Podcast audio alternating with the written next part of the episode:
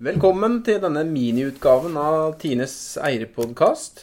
Vi kjører en eh, mjølkevolum-spesial i dag. Jeg heter eh, Peder Buskenes og sitter nå på kontoret til en eh, Jonny Ødegaard. Han er en kjent stemme fra flere podkaster, men for de som ikke veit hvem han er, så har han ansvar for en rekke områder i Tine. Bl.a. rådgivning, medlem, mjølkekvalitet og politikk og samfunnskontakt.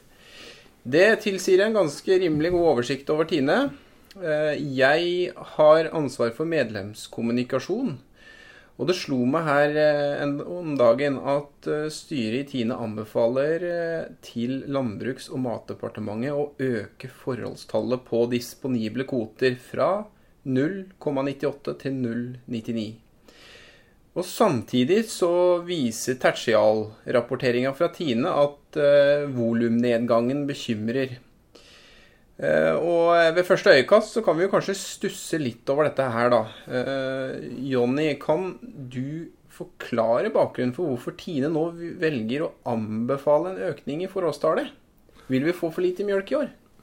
Jeg kan i hvert fall eh, prøve så godt jeg kan. Eh, totalt Det, det, det vi, vi, tror vi får behov for av mjølk i, i 2018, er om lag som uh, anslaget vår før årsskiftet, eller litt høyere.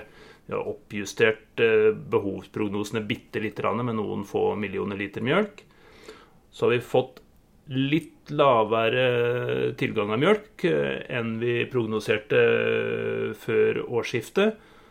Og så er vurderinga vår av lageret litt annerledes enn det var ved, ved, årsskiftet. Vi ønsker nok litt større lager ut av 2018 enn vi gjorde når, vi, når forholdstallet ble fastsatt her før jul.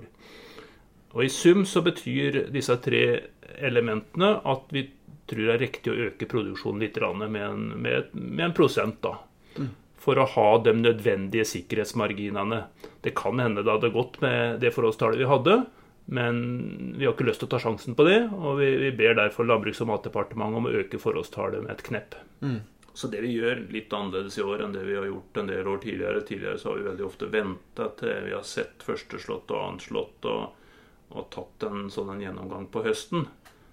Det som blir, er vanskelig med det, er at det blir veldig sent for produsentene å tilpasse seg. altså En må bruke sterkere endringer i forholdstall for å få til den nødvendige endringen. Og så får du en sånn bølgebevegelse at en må liksom gi gass på slutten av året, og så starter du neste år med for stor fart, og så må du bremse på våren igjen, og så, så har du det gående med, med, med sånne svingninger framover. Det vi prøver å unngå ved å gi dette signalet så tidlig, det er, er en sånn en bølgebevegelse. Vi skal gi produsentene så lang tid som mulig da, til å tilpassa denne endringen. Mm.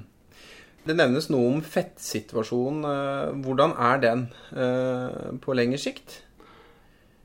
På, på lengre sikt så, så, har vi ikke riktig alle løsningene ennå. Eh, med de grepene vi gjør her nå, så skal vi forsyne det norske markedet godt med fett i, i 2018 og ha gode overgangsbeholdninger inn i, i 2019.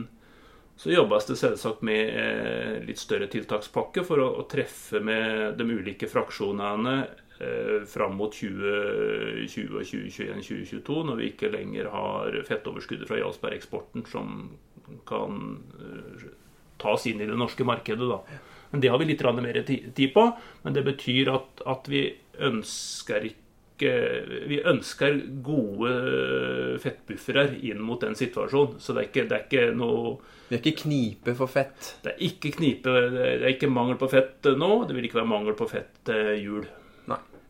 Det var jo en stor bekymring da vi, vi leste jo i Nasjonen eh, bl.a. vår kommunikasjonsdirektør eh, og eh, uttrykte nedgang i søtmjølksvolumet. Kan du forklare litt, er det bare å si, grå skyer nå framover, eller har vi noen lyspunkter på salget?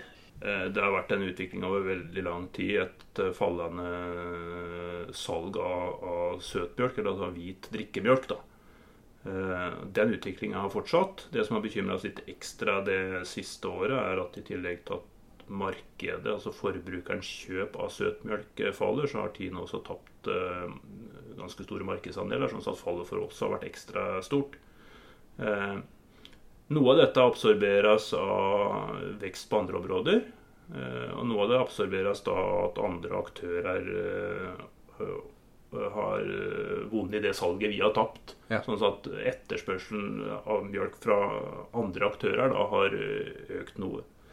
Men det jobbes godt i hele tiden med, med, med nye initiativ og innovasjon for å, å, å, levere på det vi vet eierne er opptatt av, nemlig å, å holde volumet oppe. Med det går vi inn for landing, og håper at Landbruks- og matdepartementet følger Tines anbefaling og at vi på tross av en eh, tørr oppstart får et godt fòrår.